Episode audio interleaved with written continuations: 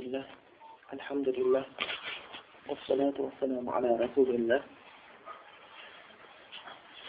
لا علم لنا إلا ما علم الله.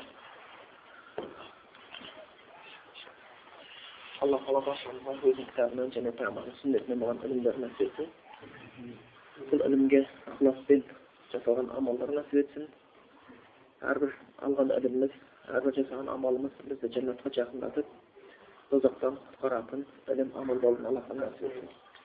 Şimdi biz Allah'ın cəzəmiyyətinin doğun 27-ci hadisdə çetkən ekimiz. Bu 27-ci hadis birinci mətn oxuyuq. Lakin aldırmaq cəsəd, keyin hadisdə gidik. Hadisin biraz şərhini oxuyursanız Allah'ın cəzəmiyyətini عن أبي عبد الله جابر بن عبد الله الأنصاري رضي الله عنهما أن رجلا سأل رسول الله صلى الله عليه وسلم فقال абдуллахтың әкесі жәбір ибн абдуллахтан риуаят дейді ол кісі ансарилерден дейді алла оған да әке ішіне де разы болсын бір кісі пайғамбарымыздан келіп былай деп сұрақты қараңызшы егер мен фарз етілген бес уақыт намаз оқыған болатын болсам рамазанның оразасын тұтқан болатын болсам халалды халал десем харамды харам десем бұдан артық ештеңе орындамаған болатын болсам жәннатқа кіремін ба деп сұрақ қойды дейді. Қала пайғамбарымыз оған жауап беріпті наам иә деп жауап берген екен. Яғни кіресің деген мағынада. Бұны риуаят еткен муслим болып табылады екен. Енді осы әдеттегідей осы хадиске бір етуші кісі жәбір ибн абдилла деген кісі ол енді бізге өтіп жатқан сахабалардың ішінде жаңа бір сахаба әдеттегідей жаңадан сахаба кездессе ол кісінің өмірбаянына аздап тоқталып өтуші едік жәбір ибн абдилла енді көбісі абу абдиллах деген осындай жаңағы күниясымен танылып кеткен болатын бұл пайғамбарымызға алғаш ілгеріге иман келтірген сахабалардың қатарынан кіреді тіпті өзінің айтқан бұл кісі хадисі бар. Өзінің айтып кеткен сөзі бар. Бұл кісі күледі мен пайғамбарымыз саллаллаху алейхи уассаламмен он тоғыз ғазауатта болдым дейді яғни он тоғыз аллах жолындағы соғыста болдым. Кішісі бар үлкені бар. Пайғамбарымыз дейді ол кісі жиырма бір ғазауат жасаған дейді да қаншауын ғана бола алмаған? Екеуін ғана бола алмаған. Енді келтіреді ухуд пен бадрда болмаған дейді. Исламдағы ең үлкен жихадтар болып есептелінеді мүшриктермен жасалған жихадтардың ішінде сол екеуінде болмаған енді ода бола алмай қалу себебі әкесі рұқсат етпеген әкесі абдулла бұның әкесі де сахаба өзі де сахаба сол үшін хадисте разиаллаху анхума деген екі кісіне де келді ол екеуіне алла разы болсын деп келіп бұл кісінің әкесі ухудта болған шайқаста қайтыс болып кеткен ухудта болған шайқаста қайтыс болып кеткен бұның бара алмау себебі әкесі осы баласы жәберді үйіне қалдырған жаңағыдай қалған өзінің бауырларына қарап отырсын деп. Екеуміз бірдей кетпейік. Мен саған сенемін сен қарап отыр деп тастап кеткен. Бірақ сол хутба басталған кезде алғашқы жаңағы қайтыс болғандардың ішінде шәһидтердің ішінде бұл кісі қайтыс болып кетеді. Бірінде де айтады сол әкемнің қайтыс болғанын көрген кезде көзіме жас келді дейді. Пайғамбарым мені сыйған жоқ дейді. Қатты сезген болу ауыр болғаны кейін оның жаңағы қарындасы да әкесінің жылағанына қайырып жатқан кезде пайғамбарымыз мейлі жылаңдар мейлі жыламаңдар аллахтың періштелері қазір бұны саясына алып тұр деп айтты дейді. Яғни сондай бір әкесінің өзі құрметті кісі болғанын көрсетеді сонда бұл сөздің жеткізгені бойынша айтады пайғамбарымыз жиырма бір ғабауат жасаған соның мен он жетісінде пайғамбармен бірге он тоғызында пайғамбармен бірге болдым дейді бұл ілгергі сахабалардан ансари деген өзі мединалық сахабаларды ансарилер деп аталады жәрдем етушілер ал енді бұл пайғамбарымыз мединаға хижрет жасамай тұрып иман келтірген пайғамбар кәдімгі хажға келген адамдардың қатарында бірнеше жас жігіттер болған соның біреусі осы жәбир болған сол келген кезінде пайғамбарымыз айтқан сөздерін бірден қабылдап аллах жүрегін ашып иманы орнап сол мұсылманшылықпен мединаға қайтқан болатын. Және де бұл кісі сахабалардың ішінде хадис риуаят етушілердің ішінде ең көп риуаят етушілер қатарына кіреді. Аби хурайра айша анамыз сияқты осындай хадисті көп риуаят еткен қатардың ішіне кіретін болып табылады екен. Бұл кісі енді жаңа айтып кеттік батырге қатыса алмады ухудқа қатыса алмады әкесінің оған жаңағы тыйым салғанына байланысты әкесінің шығып бермегеніне байланысты. Одан кейін бұл кісі енді ұзақ өмір сүрді өмірінің соңында көз жанары кетеді яғни соқыр болып қалады өмірінің соңында бірақтан өкінетіндей жағдайда емес өйткені бұл кісі хижри жыл санау бойынша жетпіс сегізінші жылы қайтыс болады ол кісі қайтыс болған кезде жасы тоқсан төртте болған өте ұзақ өмір сүрген тоқсан төрт жасында пайғамбарымыз жақсы көреді кездессе болды ахуалын жағдайын сұрап отырады өте зерек аталған тіпті өзінің заманында бұл кісі муфтил мәдина аталып кеткен медина қаласындағы фатуа беретін ғалымдардың бірі аталып кеткен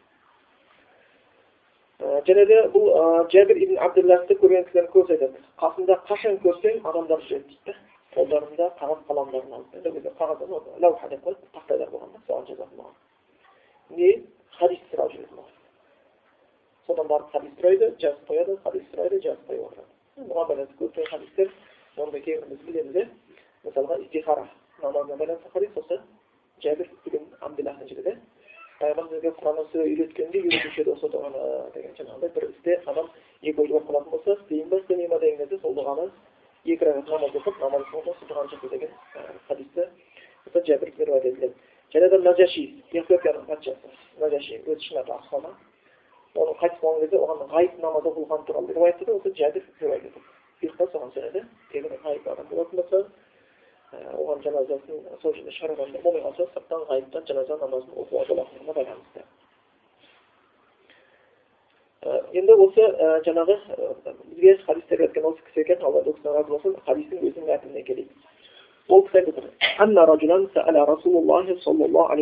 бір кісі келіп пайғамбарымыздан сұрады дейді бұл жерде кісінің енді кейбір мұхаддистер оның атында айтып жатады номан ибн қауқан деген кісі деп айтып отқан кісілер де болды бірақтан мәселе негізі ол кісінің атында емес бұл жаңағы хадистің мәтінінде болып тұр соны бізге көбірек білу маңыздырақ болып тұр ол кісі келіп пайғамбарымыздан сұраған екен араайта араайта деген сөз біз аударсақ көрдіңіз ба деген сияқты бірақ мағынасы ахбирни деген мағына береді маған хабарлаңызшы аллахтан мен сізден бір нәрсе сұрайын деп едім соны маған дұрыс жауабын беріңізші деген сияқты сұрақ не болады егер дейді мактуба оқысам парыз етілген нәрсені бұл намазды айтып жатыр мактуб деген өзі араб тілінде жазылған нәрсе парыз етілген нәрсе бұл бес уақыт парыз намаз айтып жатыр егер мен бес уақыт парыз намаздарды оқысам бұл жердегі мактуб деп біз айтамыз айналады сүннет оның ішіне кірмейді иә таң намазы екі рағат сүннет екі парыз мактуб екі парыз түскі намаз төрт рағат сүннет төрт рағат парыз екі рағат сүннет мактуб төрт рағат парыз олар мактуб емес олар сүннет деп аталады түсіндіңіз ғой сонда бұл кісі сүннеттерді сұрап жатқан жоқ нені айтып отыр егер мен парыз етілген аллах маған парыз еткен намаздарды оқысам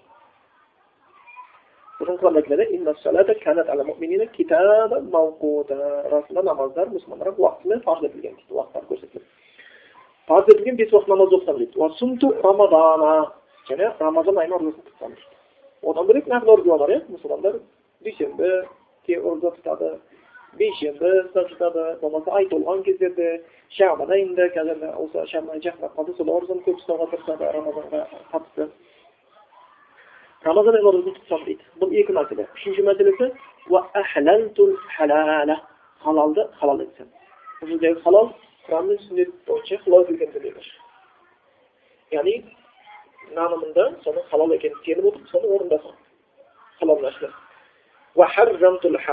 харамды харам десем ақидамда соны алла тағала бізге харам еткенін біліп құран сүннетте соның харам екенін сеніп және одан алыс болсам деген сөз харамды харам етсем деп сөзін айтып қойсам яғни одан алыс болсам осыны істесем дейді және бұдан артық ештеңе істемесем дейді намаз айтты оразаны айтты халал мәселелерді харам мәселелерді артық ештеңе істемесем. Жәннатқа кіремін ба деген сұрақ қойды. Пайғамбарымыз айтты иә кіресің деген жауап берді.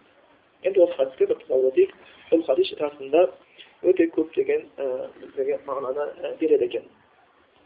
Біріншіден бұл хадистен жалпы түсінетініміз ол кездегі пайғамбарымыздың тәрбиесінде көрген пайғамбарымыздың қасында жүріп иман келтірген сахабалардың ғаяты мақсаты өмірдегі көбінесе жәннатқа кіру болған біз қай кезде өзіміздің өмірімізде жәннатқа кіру біздің ұлы мақсатымыз деген нәрсені қойған кезде сөзіміз ісіміз дұрыстала бастайды сол кезде біздегі өмірдегі кездесетін проблемалар өте жеңіл дейді ол мақсатқа жетпейінше өмірдегі проблема ауыр болып кете береді адамда бітті осы бақытсыздық сияқты тура тозаққа түсіп бара жатқан сияқты қайғырып салысуға кетіп өзі сондай бір тәуекелі азайып кетеді сол үшін адамға ең қатты күш қуат беретін нәрсе ол ұлы мақсатын ұмытып қалмау. Ол жаңағы ол жайында да біз осы хадистен сезгеніміз сахабалардың үлкен мақсаттары жәннатқа кіру. Осыны көп олар өздеріне мақсат тұтатын оған бар да келеді жаңа пайғамбарымыз деген сияқты аллахтың елшісі маған бір айтып беріңізші мені жәннатқа кіргізетін амалды айтып беріңізші тозақтан алып амалды айтып беріңізші деген сияқты болмаса бір сахаба пайғамбарымызға қызмет жасап дәрет суын дайындап береді пайғамбарымыз алдын не сұрайсың деген кезде жаңағы сізбен бірге жәннатта бірге болайыншы деген сұрақты қояды көп оқы деген сияқты осы нелерді айтады яғни олардың мақсаты жәннатқа кіріп кету расында аят солай деп айтады да. Аллах құран айтқан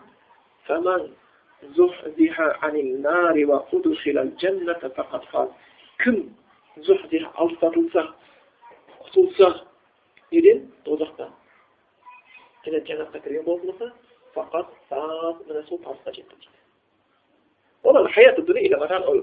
ал мына дүние тіршілігі алдамшы тіршілік алдамшы дүние бітпейді анадан кейін мынаны анадан кейін мынаны бітпей кете береді а бірақ өлім ақиқат өлгеннен кейін біздің өміріміз жәннатқа лайықты болып өткен болатын болсақ ұтқан адам сол өлген кезде ар жағы жәннат төгіп өткізетін болатын болса ұтқан адам сол түсіндіңіздер ғой бұл жерде байи ма байымай ма аз бола ма көп бола ма аш бола ма тоқ бола ма ол емес негізгі мақсат өкінішке орай қазіргі кезде мұсылманшылықтан алыс болған адамдар. Тіпті өзін мұсылман есептеп мұсылман туралы хабар жоқ адамдар бүкіл нәрсені өлшем бірліктің өзін дүниемен ғана өлшеп қойған. Егер қайсы бір адам дипломы бар болған болатын болса баласы ол жұмысты істесін істемесін бір қалдырса дипломы болмайынша шешесі мен әкесінің жүрегі тынышталмайды сондай ақидамыз ғой дұрыс па? Тәубе солай тәрбиеледі. Дұрыс па? Пенсияға ол кісі жетуі мүмкін жетпеуі мүмкін. Бірақ бәрі пенсионный фондқа ақша тауып отырмаса жүрегі тынышталмайды да. Оған дейін ондай жете ма жетпей сондай күйде болып қалған. Яғни қазіргі заманның ақидасы қаптағы ұнның азайған көбейгенімен азайып көбейіп отырады да. Көбейе бастаса о мә азая бастаса азая бастайды намазбен құлшылықпен емес бұл өкінішті жағдай сол үшін алла тағала жоғарыда құран аятында деп айтты. Кім тозақтан құтылса ол табысқа жетті дейді да кейін айтады. Осы сөз жеткілікті бірақ алла және түсіндіреді. Мына дүние тіршілігі бар болғаны. Пайдалану ғұрур алдамшы кетіп қалады. Егер біз өміріміз біткен кезде жәннатқа кіре алмай болсақ онда өкінішті. Сол үшін әрбір адам құдайдың өзіне берген нығметімен жәннатты іздеу керек дейді ғой жақсылық қыл алла саған жақсылық қылғандай алла тағала расында біреуге денсаулық берген. Сол денсаулығыменен жәннаттың жұртын іздесін көмектессін әлсіздерге басқаларға деген сияқты. Алла тағала біреуге байлық берген. Сол байлығыменен жетім жесірді іздесін не істейсің ол байлықтың бәрін жинай берген кезде бұған дейінгі сабақта айттық иә бір адам миллиардер деген олар мақтау миллиардер болса үшін оның дүниесі онікі емес негізі құдай берсе берді алса алып қояды пәленше миллионер деген ештеңке емес бірақ сол миллионер сол миллиардер дінге қызмет жасап жатыр екен құран кітабын таратып жатыр екен мешіт соғып жатыр екен жетімдерге көмектесіп жатыр екен аштарды тойдырып жатыр десе ал онда а деп онда мақтауға болады онда үлгі тұтуға болады миллиардер деген ол біз үшін ешкім емес түсіндіңдер ғой бір пәленше миллиардер деп таңқалатын ол дүниесі қанша көп болсын бәрі сізбен біз жеген тамақтан артық ештеңе жемейді түсіндіңіздер ма ештеңе емес бізбен сіз киген киімнен артық ештеңе кимейді ештеңе емес ал адам болса онда қызықсақ болады да мә мына кісіге аллах тағала дүние беріп осымен қандай сауап тауып жатыр мәссаған деп сахабалар болды ғой аллахтың елшісі ана байлардың бәрі сауап тауып кететін болды біз құр қалдық біз осы олар намаз оқиды біз де намаз оқимыз олар ясумун насум деген сияқты олар роза тұтады біз роза тұтамыз бірақ олар садақа береді біз садақа бере алмай жүрміз деп айтып отыр да ана бай болған үшін қызығып жатқан жоқ садақа берген үшін қызығып жатыр да түсіндіңіздер ма тура сол сияқты бір денсаулығы бар. Олимпийский чемпион болып кетті. Өзі үшін чемпион. Ел мақтау үшін чемпион. Бірақ сол денсаулықпенен ислам дініне сол беделмен ислам дініне бір үлес жасап еңбек шақырмаса оның пайдасы шамалы. Енді бай миллиардер. Бай болды бірақ садақа ештеңесін шығармаған болатын болса оның миллиардер болғаннан ешқандай пайда жоқ діннен алыс болған адамдар үшін керек шығар. Бірақ оның ешқандай пайдасы жоқ сол сияқты ілім егесіз ілім алдың бірақ мақсатың ел сені о шейх десе екен қареке десе екен әйтеуір елдің мақтауын іздеу бірақ сен сол ілімің арқылы елдің көзін ашып ширктен таухидке харамнан халалға жаманнан жақсыға қарай жеткізген бір адам болса да тозақтан құтқарған екен деген оймен жүрсең онда ілімнен пайда ал алған іліміңнің бәрі өмір бойы дауласып өлетін болатын болса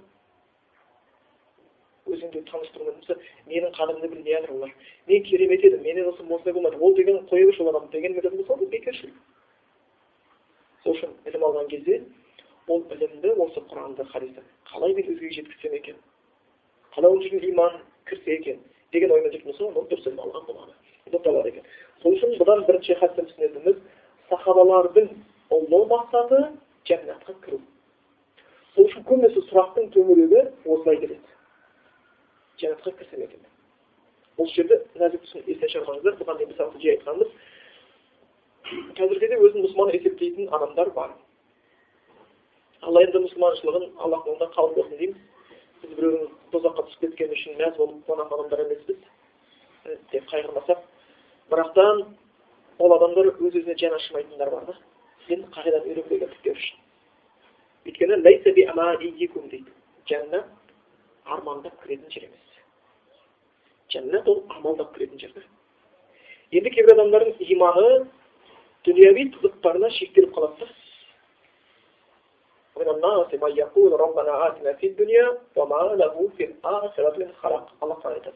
алла біреуі бар дейді не деп айтады дейді раббана деп айтады ей раббым деп айтады дейді раббым деген деген сөз не әлемнің жаратушысы бар құдайды білемін ал бұл әлемді жаратқан алла мені жаратқан аллах деген сөз бұл әлемнің иесі аллах деген сөз әлемді басқарып тұрған аллах деген ей раббым сен жараттың ей раббым сен иесісің әлемнің ей раббым сен басқарып тұрсың деген сөздер дейді да бірақ не сұрайды дейді дүние дүниеде жақсы бүкіл аллахқа деген иманы мына бір алдамшы дүниеден ғана жақсылық үшін болады ауырмайын тісім аяғым мақтамасын қызметтен түсіп қалмайын абыройсыз қалып кетпейін. Әрқашанда көк диплом болсын көк болмаса анандай болсын мынандай болсын. Дүниеге ақырет туралы ештеңе сұрамайды тек дүниені сұрайды оларға алла айтады оларға ақыретте нәрсе жоқ дейді. Өйткені олар дүниеде ғана сұрады енді алла айтады олар ішінде адамдар бар айтады дейді алла дүниеде жақсылық бер ақыретте жақсылық бер тозақтан сақта дейді дүниені бір рет сұрады ақыретті екі рет сұрады жәннат емес тозақтан сақтануды сұрады түсіндіңіздер ма ақыреттің жақсылығы жәннат енді көп жақтар кірді ғой ішіне жәннат және тозақтан құтылу қайтадан осы хадиске келіп тіреледі тозақтан құтылу жәннатқа кіру қайтадан аятқа келіп тіреледі тозақтан құтылу жәннатқа кіру мақсат жәннат болу керек екен енді бұл кісі де осындай сұрақ қойды пайғамбар мұхаммед мен осы істерді істесем жәннатқа кіре деген сияқты осы хаттан түсінгеніміз олардың мақсаттың ұлы екендігіне. Бұдан ишарат не нәрсеге ишарат? Құдайға иман келтірдім деген адам өзі ұлы мақсаттарын қойып жүру керек. Оның мақсаты қабірден бұзып ары қарай көрсету керек. Оның мақсаты ана жақта жәннатта түбінде жату керек та. Оның мақсаты қабірге дейін ақ қалмау керек та. Сонымен шектеліп қалмау керек. Жана мусулмандын максаты өтө жогору өтө жогору болу керек енді хадистің жалғасында келеді пайғамбарымыз айтып жатыр енді көрдіңіз ба хабар беріңізші деп жатыр мен парыз болған бес уақыт намаз оқысам дейді бұл жерде енді намаз жайында біз өте көп айттық намаздың маңыздылығы өте үлкен оны қайталау уақыт артық болмайды бұл жерде мына бір мәселелерді өте ықтият білуіміз керек намаз ол амалдардың қатарына кіреді аллахқа иман келтіргеннен кейін ең маңызды құлшылық намаз шариғаттағы көптеген амалдар жерде парыз болған болатын болса намаздың ерекшелігі ол көкте парыз болған жерде парыз болған жоқ ол миражда парыз етілген қалған қажылық зекет жерде парыз болды намаз аспанда парыз болды бұның өзі маңыз беру үшін жеткілікті намаз миражға көтерілген кезде бұл парыз етілген болатын одан кейін ә, намаз мәселесіне келген кезде енді бауырлар арасында талас туып қалып жатыр ғой. Намаз оқымаған кәпір ма кәпір емес па деген мәселе қанша түсіндіріп айтса да бауырлар бұл мәселеде көбінесе ә, терең зерттей алмай ма жоқ әлде ар жағында жүректе бір кірбің бар ма аллах білуші или өзіне ұнайтын нәрсені тапқысы келе ма фатуадан? Өзіне өзі түсінгесіндей қылып түсіндіріп алғысы келе ма? Талас туғызады. Және айтып кетейік намаз мәселесіне келген кезде. Намаз оқымағанның күфір амал екендігін айтқан сәләфтар бар. Сахабалар бар ғалымдар бар. Түсіндіңдер ғой бірақ намаз оқымаған адам кәпір ма деген сұрақ ол уже бөлек. Осыны есіне шығарыңыздар мысалға айтайық. Пайғамбарымыз мұхаммад бізбен олардың арасындағы серт намаз дейді. Faman tarakaha faqat kafara. Kim tashlasa kafir bo'ldi deydi. Bu hadisda men o'z nafsimga burib kafir bo'ldi degan so'zni fosiq bo'ldi, gunohkor bo'ldi deb audarsam, payg'ambarning hadisini amonatini aqtamagan bo'laman. Hadisda so'z kafir bo'ldi deb ketmi, kafir bo'ldi deb audaram kerak. Ал енді намаз оқымаған адам бұл амалдайды күфір ісі өзі діннен шығып кетті ма ол уже бөлек мәселе ол жерде ғалым керек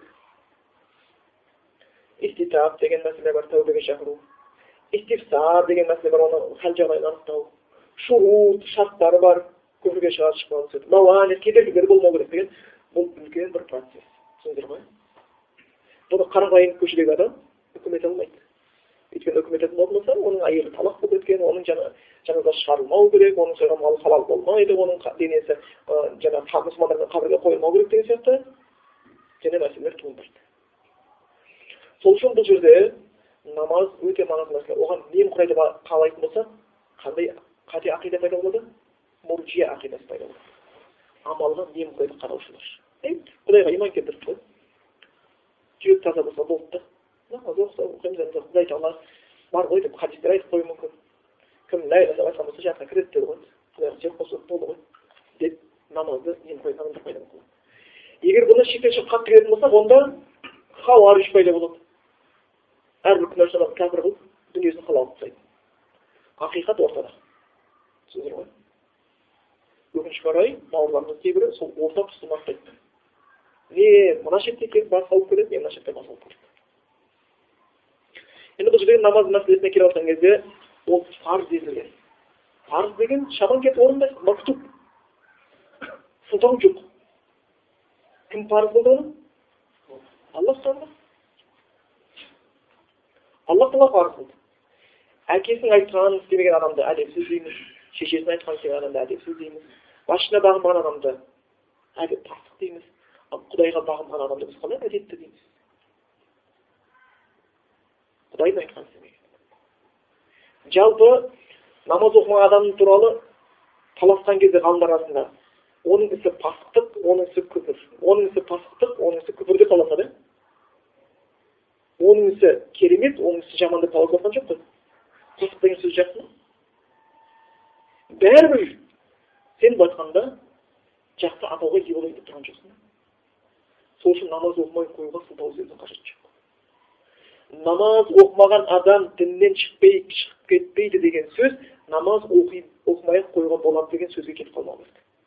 Осыны жақсы иә намазды оқымай ақ қойса болады деген сөзге кетіп қалмау керек.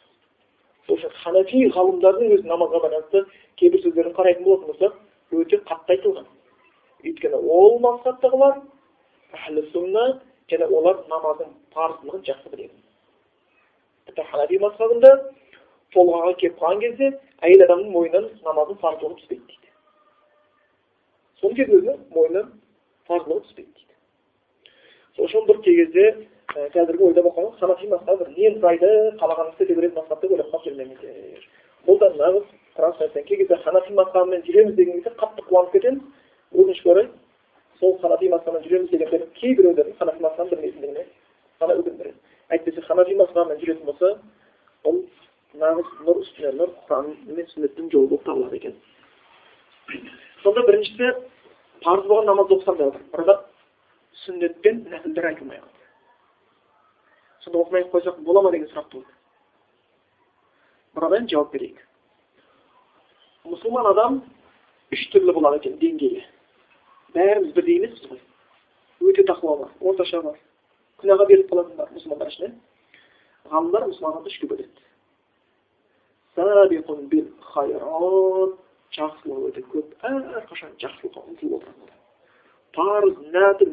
үстіне нәпіл істеп көрсе қалдырмай жатады кетеді титтей жамандық көрсе басын ең жоғары дәрежеде жүрген мұсылмандар. Бұл мұсылмандар. Екінші мұсылманның екінші дәрежесі бар. Мұқтасид дейді орташа. Өзіне парыз болған нәрсені бұлжытпай орындайды. Кей кезде нәпіл сүннетке орындайды кей кезде қалдырып қоюы мүмкін. Бірақ парызды бұлжытпай орындайды. Харамыңды харам дейді халалды халал дейді. Бірақ нәпіл құлшылықтарға әлсіз болуы мүмкін. Бұны мұқтасиб орташа дейді үшінші лалимун өзіне зұлымдық көргізіп жатыр ол деген сөз біледі бірақ парыздың өзіне немқұрайды қарайды да ұйқысы келіп тұрса жақсылап ұйқымды қандырып сосын қарайды хабарына жей саламын ғой оразаның кезінде қатты қиналып барса аузын ашып жібереді енді яғни парыздардың өзіне немқұрайды қарай салады бұл өз өзіне зұлымдық қылып жатыр болмаса харам нәрсенің харам екенін біледі да енді құдай өзі кешірсін деп арақты құя жібереді бұндай болуы мүмкін. Ондай адамдарда оларды тәрбиелеу керек. Бірақ бұл төменгі дәрежеде. Өз өзіне зұлымдық деп пайғамбар мұхаммед мұстафа саллаллаху алейхи вассаламның кезінде сахабалардың басым көпшілігі жақсылыққа ұмтылған адамдар да сол сол үшін сахабалар жылдар қарасақ ғана орындасам болды арттырмаймын деп отырған айтқанмен бұл кісі. Қай сахабаны алсақ та өмірбаянына қарасаңыз тәхәжүд садақа нәпіл ғибадаттар құранды үш күнде оқып тастау болмаса он күнде оқып тастау деген сияқты. Келесі күнін даже рызқын жинамай өткен сахабалар болған тәуекел етіп сондай бір аллах үшін жанын малын беретін сахабалар. Ішінде кейбір хабарлар келеді енді бірен бір сахаба болған ол сахаба кәдімгі бірақ арақ ішіп қояды оған дүре соғылады тәрбиелік мағынада пайғамбарымыз тірі ол екінші рет ішіп қояды оған қайтадан дүре соғылады үшінші рет дүре ішіп қояды үшінші рет дүре соғып кезде сахабалардың бірі осыған қатысып жатқан шыдайға келеді де бұл қандай адам дейді қайтамыз арақтың харам екенін білмейді қайтадан ішіп қояды қояды дейді да шыдайым айтады алланың лағнеті болсын дейді маған пайғамбар бұл сөз кезде бір лағнет айтпа дейді лағнет айтпауға дейді негізі дүре соғуды бұйырғанмен сөзбен дүре соғыл деп айтқан жоқ та түсіндіңіз ғой дейді лағнет деме дейді біздің мына дүре соғылған адаммын дейді ақиқатында алла мен оның елшісін қатты сүйеді дейді яғни оның бір жіберген нәрсесі оның аллахқа деген пайғамбарға махаббатын жоқ деген нәрсені көрсетпейді түсіндіңіздер яғни біз тиісті нәрсесін істедік ары қарай болды тоқтаймыз. Тек қана ауруына ғана ем жасап отырмыз. Қалған бәрін біз кінәламаймыз деген сияқты. Тура осы тұрғыда алып келген кезде бұл кісі енді парыз намаздар жайында сұрап жатыр. Кейбір ғалымдар енді парызды одан кейін сүннет деп айтамыз ғой. Бұрынғы кезде парыз нафил деп бөлінген кездер болған.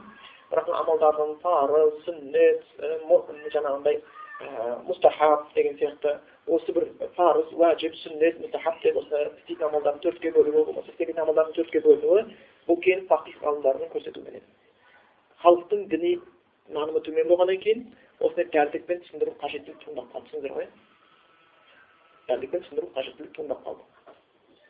Ақидада мысалы алатын болсақ улухия рубубия асма сифат дегенді біз осылай бөліп бөліп түсіндіреміз. Оның бәріне дәлел бар дұрыс па қазір біреулер айтып жүр ғой улухия рубубия асма сифат деген бидағат ол бидағат ойлап тапқан кім дейді? Ибн таймия деп қояды да әйтеуір жетіп көргеннен кейін соның бәрі ұра беру керек та жоқ бұл сөз ілгергі ғалымдардан бар.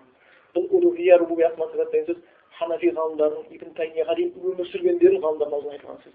Бұл улухия деген құраннан дәлелі бар сөздер улухия түбірі аллах рубубия түбірі раб асма сифат аллахтың есімдері ар рахман ар рахим деген сияқты бірақ осыны осындай қылып жеке жеке түсіндіруге итермелеген нәрсе халықтың дінді түсінбей бастағандықтан тура кейбір ханафи ғалымдарының амалды сегізге бөлгені сияқты парыз уәжіп сүннет мұстахаб деп түсіндіңіздер ғой біз айтып ғой ханафи ғалымдар дұрыс емес ол бидағат неге бөледі пайғамбарымыз кезінде парыз уәжіп сүннет мұстахаб деп айтқан дұрыс емес деп айта аламыз оларға. Айтпаймыз. Неге? Бұл дейді түсіндіру үшін осы талаптарға бөлген. Пайғамбарымыз кезіндегі сахабалар олар жаңағы құраннан келген бұйрық болсын пайғамбарымыз келген бұйрық болсын олардың бәріне сауап міндет етіп істей берген. Кейінгі қауым бұл мәселеде дау туғыза бастаған. Болмайтын күнә үшін діннен шығаратын хауариждер пайда болып қалды. Амалға немқұрайды қарайтын мұржиялар пайда болып қалды. Осы кезде ғалымдарға олардың әрқайсысы өзінің дәрежесін көрсететін терминдерді шығару керек болып қалды парыз уәжіп сүннет мұстахаб сол үшін ол терминдер кейбір жерде өзгереді хамбали уәжіп деген парыз деген мағынаны бере береді ханафиде уәжіп деген парыздан төмен амалдардың сүннеттен жоғары амалдарға берілетін терминдер болып келеді бірақ бұл жерде парыз намаз бұл жерде парыз болған намаздарды оқысам дейді шіркін ай сол парыз болған намазды өз дәрежесінде оқитын болсақ ол шынымен қандай керемет еді бірақ біздің парызымызда нұқсандар бар ғой дұрыс па? Асыл соғылып қалады ойымыз шашырайды. Шайтанның ортасына еріп қаламыз. Қаншалықты біз дәрежеде ықыласпен оқып жатқанымыз ол аллахқа мәлім. Хадисте келген сияқты бір адам намаз оқиды. Оқыған намазының оннан бір бөлігі ғана оған бұйырады біреу оқиды тоғыздан бір ғана бөлігі өледі біреуге сегізден бір ғана бұйрығы береді біреуіне жетіден бір ғана бұйрығы деген сияқты біреуге шақыр бұл жарты ғана бұйырады деп келеді біреуге намаз оқиды бірақ ештеңе бұйырмайды дегендей бір адам намаз оқиды қиямет күні ол намаз ол адамды сабайды дейді да сен мені дүниеде қорладың енді мен сені қорлаймын деп дейді біз оқып жүрміз бірақ қалай оқып жатырмыз оны алла біледі бірақ осы парыз намаздарына кеткен кемшіліктердің орнын жабатын нәрсе нәпілдер сол үшін ол бізге бір құтқару құтқару болып келеді. Ал бұдан шығатын нәрсе бұл сахабаға парыздың айырылуын ғалымдар әртүрлі түсіндіреді. Бұдан мынандай бір тәлім арылады екен. Жалпы ислам дініне жаңадан бет бұрып жатқан адамдарға дінді ауыр көрсетпеу. Жеңілінен бастау бұл. Жай ғалым емес бұл ұлы ғалымдар істейтін тірлік бұл жай төл білім емес дана төл білімдер істейтін тірлік да бізде қазір біреу ілім іздейді төл білім болады бірақ даналықтан нөл өзінің ғана түсінетін алдындағы он бес адам ғана түсінетін мәселені соны мен керемет нәрсе айтайын дейді да ал он бес миллион адам түсінетін әңгіме айтқан адамға ей ол кемпір шалдың әңгімесін айтып жүр деп қояды дін қайда ел түсінетін айту керек та сен алдында отырған он бес адаммен шектеліп қалмауың керек сен оның ар жағында тұрған миллиондаған адамдарды ойлауға тиістісің да сол кезде сен білімді дұрыс ала бастадың деген сөз. Сол кезде дұрыс білім ала бастадың. Сол кезде ғана бір адам жақсы нәтижеге жете бұдан алатын нәрсеміз құранның бізге үйрететіні аллахтың бізге елшісінің үйрететін нәрсесі тәбәрруж тәбәрруж дегеніміз ақырындап шәйан ақырындап сол үшін әрқайсымыздың өзіміздің айтып жүрген уағызымыз бар иә? Мұсылман адам қарап жүрмейді. Жақсылыққа шақырады жамандықтан қайтарады мұсылман адам қарап жүрмейді сен намаз оқымайтын ақылың бар ойлайсың қалай бұның намазы бола жатсам екен а субханалла не істесем болады сыйлық болсам екен қалай жәннаттың жолын көрсетіп жіберсем екен қалай сөйлессем болады деп іздейсің дұрыс па қарап отырмайсың сол мақсатқа келген кезде бізге құран мен сүннетті үйрететіні жеңіл күйде ол түсінетін сөздерден егер адам сол парыздар орындаса жүрегі ашылады да ар жағынан өзі құлшынып кетеді тұрған бәріміз сол неден өткенбіз дұрыс па ислам дініне кіре салып бәріміз осындай керемет болдық па жоқ біз сатылап көтеріліп келе жатырмыз сол өзіміздің сатылап көтерген нәрсені өзгелерге де солай істеуіміз керек бұл хадистен шығатын және бір хикмет дін үйретуде ислам дініне жаңадан келгендерге ең жеңіл және маңыздыларынан бастау діндарлық бұл аллах тағаланың өзі құранды бізге дінді бұйырған кезде не деп айтады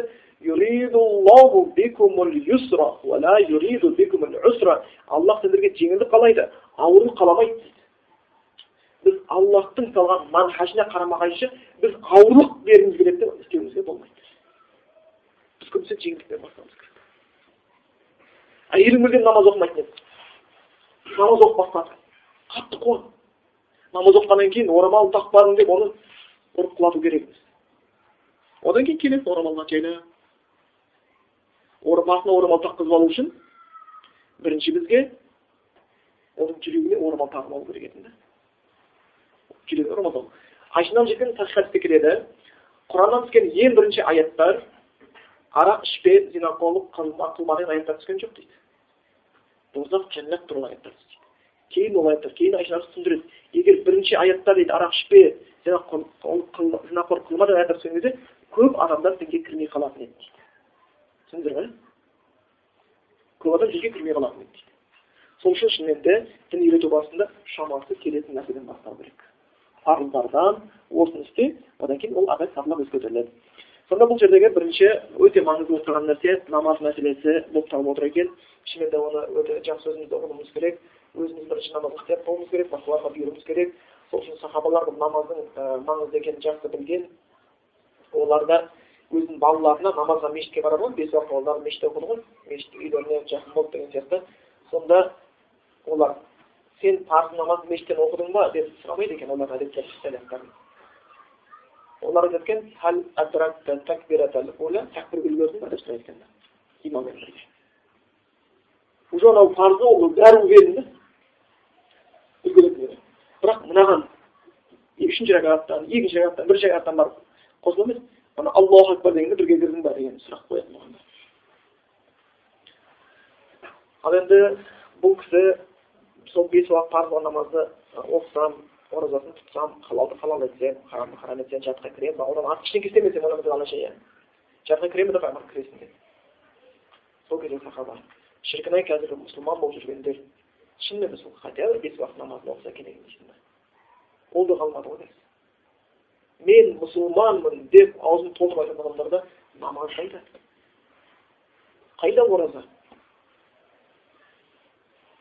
оларға біз қалай оп оңай қорықпай иә қорықпай ақ оқымасаң оқымай ақ қой жәннатқа кіресің деп біз айта аламыз оларға сөйтіп айтатын дәлеліміз де жоқ оларға ал құранда келген аяттарға қарайтын болсақ қорқытады فخلف من بعدهم خلف أضاعوا الصلاة واتبعوا الشهوات кейін бір қауымдар келді олар намаздарын зая қыла бастады жерде зая қыла бастады деген сөзді сәләфтар болмаса ибн аббас абдул тәпсірде келеді дейді жоқ дейді да немқұрайды оқи бастады дейді да қаласа оқып қаламаса оқымай жүрді дейді да шахуаттың соңына ерді дейді харамдарға түсе бастады олар ғайға тозаққа түседі дейді да бұл айтқандай кей намаз оқып адам тозаққа түсетін болса бейнамаз адамды қалай жәннатқа кіргізіп жібереміз. Аллах мейірімі әдетте үміт үзгіміз келмейді бірақ ғұрур болмау керек та алданып қалмау керек та. Енді иман болса бәрі дұрыс болады деген иманды амалмен сақтау керек екен. Сол үшін бұл намаз өте маңызды. Пайғамбарымыз соңғы уақытта оны қатты айтып кеткенін де білеміз. Тіпті біз бұған дейін өте көп байланатынбыз құран аяттар оның бәрі. Сол үлкен сүреге бармай ақ кіші сүреге барсақ мысалы айтатын деген аят мысалы сүресіне келетін сияқты сондай бір намаз оқитындар болады оларға вайлун болсын вайлун деген жаңағы тозақтың бір шұңқыр деп келеді бір тәпсірде халакун ол бір құру дейді құрдым деп келеді азабун азап деп келеді азап болсын құрдым болсын тозақтың шұңқыры болсын кімге дейді сондай бір намаз оқитынға қандай намазын немқұрайды оқитындарға жинап таста көңіл келмесе оқымай көңіл келсе оқып жүргендерге уайым болсын дейді да егер бірде оқып бірде оқымай әйтеуір маңдай сәждеге тиіп жүрген адамға уайым деп айтылған құран аят айтып тұрған болатын болса мүлдем намаз оқымаған адамға жағдай не болады деген сұрақ туындайды адамның санасында оған немқұрайды қарауға болады ол өте маңызды сол үшін ханафи ғалымдар айтқан сияқты кез келген нәрсенің белгісі болады ал иманның белгісі намаз деп кеткен одан келесі рамадан рамазан айының оразасын тұтсам дейді ораза біз айттық көп дедік мұсылман ай туған кезде ораза тұтады дүйсенбі күні ораза тұтады нәпіл оразалар бар одан басқа сондай күнде тұтатын оразалар бар деген сияқты шаман айында тұтқан көп оразалар бар бірақ тек рамазанның ғана оразасын тұтсам дейді парыз етілген сол еді сондай ораза парыз болды парыз болған деген сияқты рамазан оразасын айтып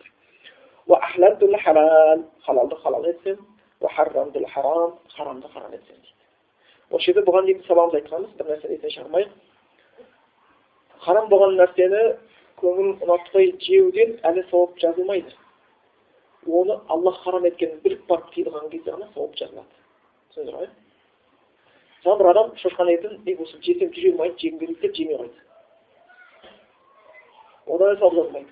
адам виноны дәуреннен көтеріліп кетті ішпей қойды ішпейді бірақ та вино ішіп дәурен көтереді бұған сауап жоқ ол жеке басының денсаулығы үшін ойлап отыр жақпай қалыпты болды бірақ айтса бұл шошқаның еті құранмен харам етілген бұл арақ құран хадиспен харам етілген сол үшін ішпеймін деген кезде оған сауап жазылады өйткені оның ішпеуі оның жемеуі бұл харам нәрсені оның харамдығын келіп істері үшін болып жатыр түсіндіңіздер ғой сол кезде сауап жазылады бір адам ұрлық істеген жоқ жаман нәрсе ертең бәле қалып кетеді жаман атым шығады болмаса түрмеге отырғызып тастайды әлі сауап болған жоқ өзіне пайда келтірді қоғамға пайда келтірді бірақ ұрлық шариғатта үлкен күнә істеуге болмайды деген кезде ол тек қана өзіне қоғамға пайда келтіріп қойған жоқ ол сонымен қатар сауап алып өзіне қатар сауап ниеттің ұлылығы осы жерде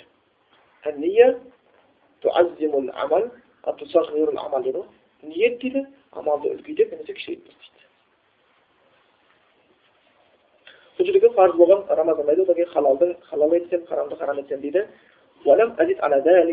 бұдан артық ештеңе орнамаған болған соң жаза кіре ма дейді пайғамбар оған жаза кіретінін айтқан бұдан да басқа көп риуаяттар келеді тура осыған ұқсас мағынада осы хадистің кейбір жаңағы муслимде негізі бір тағы бір жалғасы бар бұл кісі осыны айтқан екен не деп айтқан кетіп бара жатып пайғамбар жаққа кіресің дегеннен кейін аллахпен ант етемін бұдан артық ештеңе істемеймін деп кеткен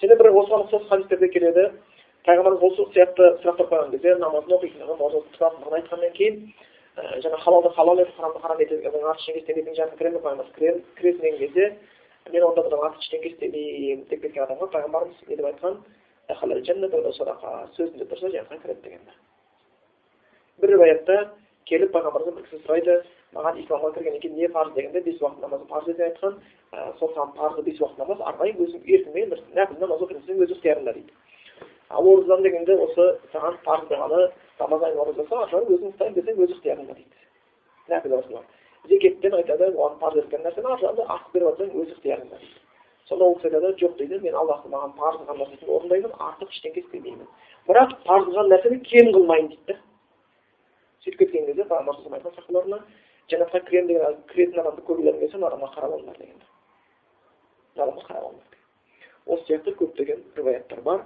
енді бұдан шығатын нәрсе амалға өте ықтият болу өте ықтият болу бірақ парыздарды орындап нәпілмен шектеліп қаламын деп алданып қалуға болмайды. Өйткені біздің парызымыз сол парыз дәрежесінде орындалып жатқаны орындалмай жатқаны аллахқа мәлім.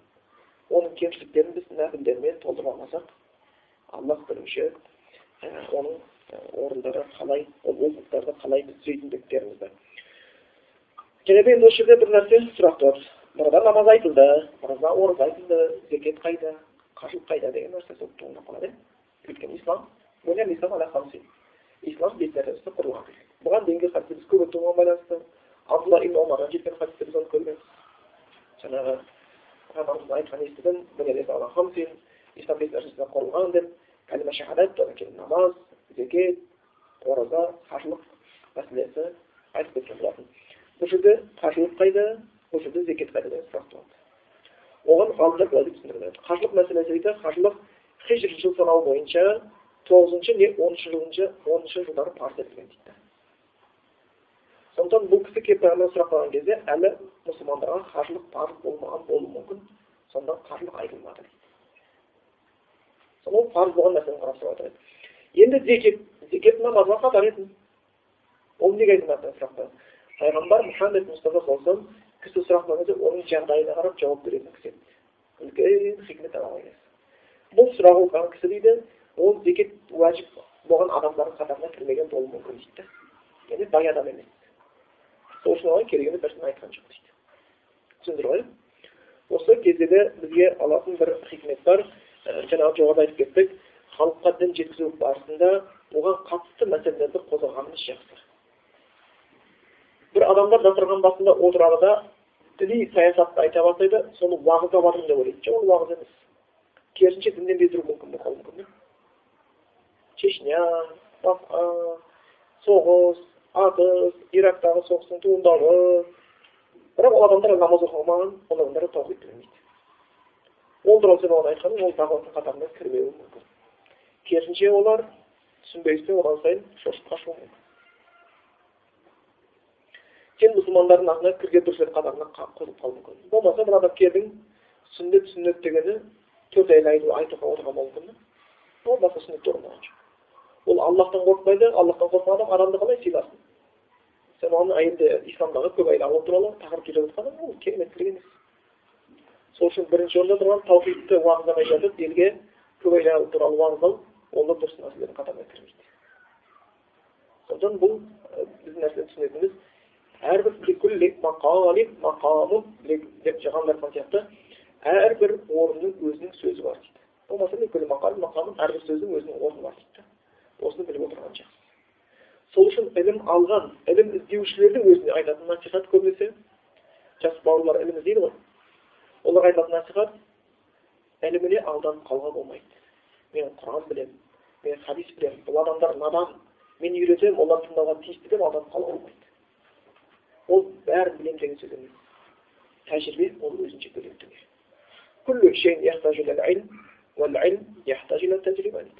бүкіл нәрсе ілімге мұқтаж бірақ ілімнің өзі тәжірибеге мұқтаж дейді сол ілімді қалай пайдалану керектігін бізге үйретеді сол үшін бұған дейінгі дәрісімізде жиі айтатын сияқты ілім алу деген өз алдына бөлек дүние ілім тарату деген өз алдына бөлек дүние ілім алуда жүз баланың елуі ілім алуға жарап қалуы мүмкін бірақ елу баланың бесеуі ілім таратуға жарай ма жарамай ма ол аллахқа белгілі өйткені ілім таратудағы маңыздылық ілім алудағы маңыздылықтан жоғары тұрады. Түсіндіңіздер ғой. Одан да жоғары талаптар қойылады. Халықтың жағдайын білу пайдалы нәрсені уақытында айту бос нәрсені алып кетпеу деген сияқты. Біздің заманымызда өкінішке орай мұсылманбыз деп жүргеннің өзімізде біз әлі сол әмин дауыстап айтамыз іштей айтамыз ба намаз аяғымыздың арасы төртеу бола ма ашық бөгелсе не болады қол түндіктің үстінде тұру керек па кеудеде тұру керек па деген мәселелерменен әлі бас ауырушымыз қашан халыққа дін таратумен айналысатыны белгісіз түсінсе түсіндіріп айттың хадис дәлелмен түсінбесе оған бас ауырып қарсы жоқ ол үшін ара тілекке түсіп ұрысты күшейтіп қарапайым халықты діни сауатын көтеруден қалдырып қоюға болмайды түсіндіңіздер үшін жаңағы халыққа өзіне керекті нәрсесін жаңағы оны ұсынған кезде дұрысын ұсынуға көңіл бұру қажеттілігі туындайды екен. Сонда бұл хадистен жаңағы біз түсінген мәселелеріміз намаздың маңыздылығы оразаның парыздылығы халалды халал деу харамды харам деу сол сияқты халал болған нәрсені харам ету де дұрыс емес. Харам еткен нәрсені халал еткен дұрыс емес сияқты. Арақты шеберге болады деп айтса ол да күнә өйткені болады ғой ауылды жерлерде нәпсіне тыймай күнәні жасап қою бар ол күнә жасаған күнәсін әшкере ету бар ол екі есе күнә күнәмен мақтану күнә жасағаннан ауыр түсіндіңіздер ғой бір адам күнә істеуі мүмкін өзін істей алмай бірақ құдайдан да ұялады адамдардан да ұялады ешкімге айтпайды кешірім сұрап жүреді алла тағала кешіреді бірақ пайғамбар айтқан менің үмбетімнің бәрі кешіріледі жария қылушылардан басқа жария қылушылар кім дегенде түнде ол бір күнә жасайды құдай оны жазған еді ол өзі елге жариялап береді дейді мақтанады дейді кешірімнен құрғап кетеді яғни күнәңді мақтану кешірімнен құрғап кетеді сол үшін көп жағдайда мұсылман адамдар тек қана тәрбие беру мақсатында өкіну мақсатында өзінің басына кеткен қателігін айтса болады ай біз білмей намаз оқымай жүрдік қой ай өкінемін сол күндеріне деген сияқты мақсатта айтса болады жаңағындай мақтану мақсатында айтуға болмайды е сол кезде ішіп алғаным жақсы болды намаз оқығаннан кейін болмайды екен ғой. Сол кезде жүріп тұрып жақсы болды намаз оқығаннан кейін болмайды ғой. Деді бұл адам бұрынғы күнәлар өше қоймайды. Түсіндіңіздер ғой сол үшін бұл жерде харамды халал айтуға болмайды молдаге сен енді арақты ішпе деп жатрсың ғой. Бірақ енді құранда өзі ішуге болады деген жер бар ол аятқа жетпегенсің ғой бұрынғы сенен мықты молдалар болады суық теріс ағызатын олар айтатын іш бірақ құспа сонда харам болмайды деп айтады енді құсқанша ішкеннен кейін бітті ғой не өсті қалап алғанда осы сияқты ол ішкеннен бетер күнә да осы сөздер өйткені шайтан адамды сатылап үлкен күнәға алып келеді құздың шетіне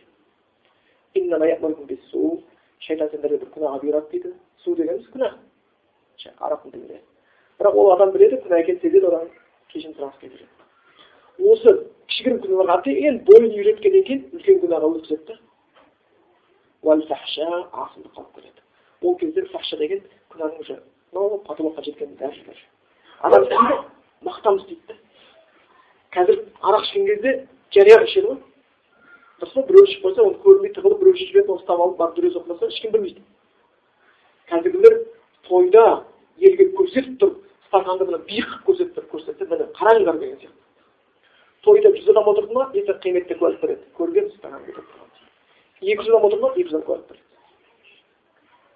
бұл ішкеннен ауыр да түсіндіңіздер ғой стаканды көтеру стаканды көтеріп тұрып тілек тілеу арақ ішкеннен де ауыр болып табылады сол күйінде. Сондықтан жаңағы оны көрсетіп жария қылу өзінің күнәсін кешірмей қалуына алып баратын жолдары. Екіншіден бірінші күнә істейді ішпеймін ішпеймін деуші едім болды екіншісі не болыпты? Ішеміз енді осы мен осы тойда ішпегенде қай тойда ішемін деген сияқты ішетіндер болады ол уже екінші фахшаға өткендер сол сияқты басқа күнәлар кете береді зина тауып барып өйтіп бүйтіп келеді да бала шағасынан достарына ешкімге айтпай зина жасап қойған сөйтіп жүреді ал біреулер болады уже достарына айтады ей мен бардым анау керемет екен үйттім бүйттім орыстардікі жақсы болады екен анау мынандай екен балдікі балдай екен деген сияқты сондай бір сөздермен отырады жеңгенің бір жамбасы қайнысың деген сияқты осындай бір арам жаңағы құдашадан құдай ұрған қалады деген сияқты осындай сөздер таратады осы фахша түсіндіңдер ғой өзі шектен шыққандар бұл одан да жаман күнәға алып келеді не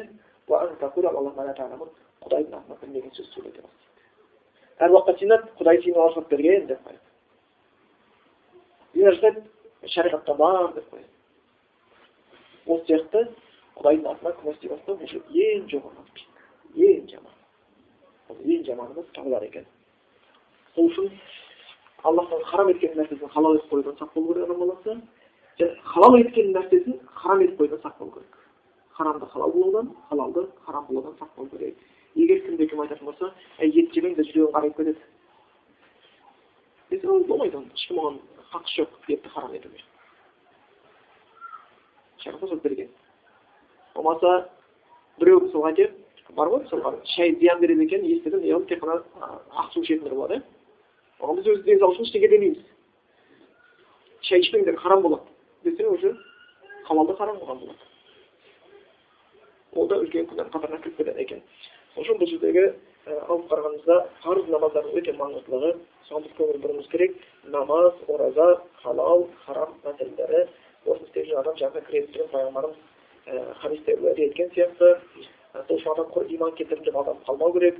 Абу зарда жеткен хадистерді білеміз иә пайғамбар қандай бір құл дейді да قال لا إله إلا الله ومات على ذلك لا إله إلا الله айтқан болса аллах қана сенуге лайықты аллахтан өзге сенуге лайықты ешбір тәңір жоқ деп айтқан болатын болса ومات على ذلك сөйтіп жүріп өліп кеткен болатын болса жәннатқа кіреді деген хадис бар сонда абу зар айтады я расулалла егер адам зина істеп болмаса ұрлық істеген болса ше дейді пайғамбар айтады егер ол адам зина істеп ұрлық істеген болса да кіреді дейді абу зар түсінбей қалады да аллахтың елшісі ол зина істеп арақ ішкен болса ше дейді ол зина істеп арақ ішкен жаңағы ұрлық жасаған болатын болса да кіреді дейді абузар үшінші рет сұрайды қайта сұраған пайғамбар айтады айтқанда абузардың мұрны жер сүзсе де олар жәннатқа кіреді дейді.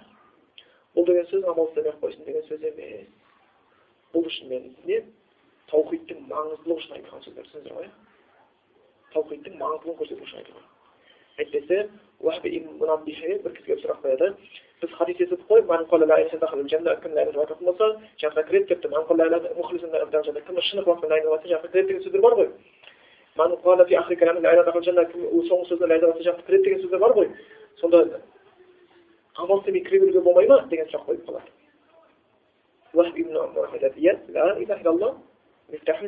жәннаттың кілті дейді бірақ дейді қандай кілт болмаса оның тісі болу керек дейді тісі жоқ кілт есік ашпайды дейді сонда оның тістері бар намаз ораза деген сияқты оның тістері бар сол тістері сәйкес болған кезде ол есік ашылатын болып қалады екен ибн омарға абдуллах ибн омарға омардың баласына бір кісі айтады енді осы таухид ұстап ширк жасамай өмірді өтіп кетсе жәннатқа кіретін шығар адам ә, мысалға біз білеміз ғой егер кімде кім таухидты ұстанбаса істеген амалдың пайдасы жоқ бірақ енді таухид ұстаған екен күнәсінде зияны жоқ шығар деген сұрақ қояды да түсіндіңдер ғой сұрақты ля иляха иллаллахтың мағынасын түсінбеген адамның амалының пайдасы жоқ дейді да ширк беріп жүретін болса қанша намаз оқыса қабыл сөз ғой.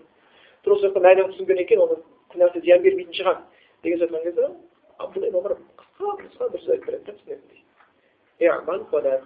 дейді. Амал істе алданба дейді.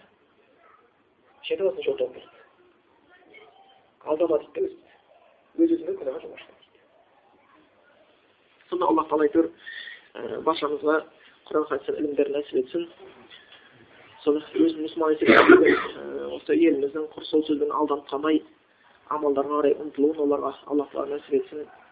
Ықыласпен жаңағы парыз болған намаздарға ұмтылу нәсіп етсін. Біз де енді осы сабағымызды аяқтай келе пайғамбарлардың жасаған дұғалардың ішінде сол ибраһим пайғамбардың дұғасын айтып бітіргіміз келеді. Намаздың маңыздылығы үшін өйткені ол ибраһим пайғамбар өзінің дұғасын айтқан деп аллах тағала мені және менің ұрпағымды намазды шын ықыласпен оқитындардан қылшы сен дұғаны қабыл етуші деген екен. Аллах тағала біздерді және біздің ұрпақтарымызды осы намазға өте ықтият болған намазды парыздығын білген өз уақытында оқыған ықыласпен оқыған болуларын өзіміздің де ұрпақтан сондай болуларын нәсіп етсін. Алла дұғалар қабыл етуші.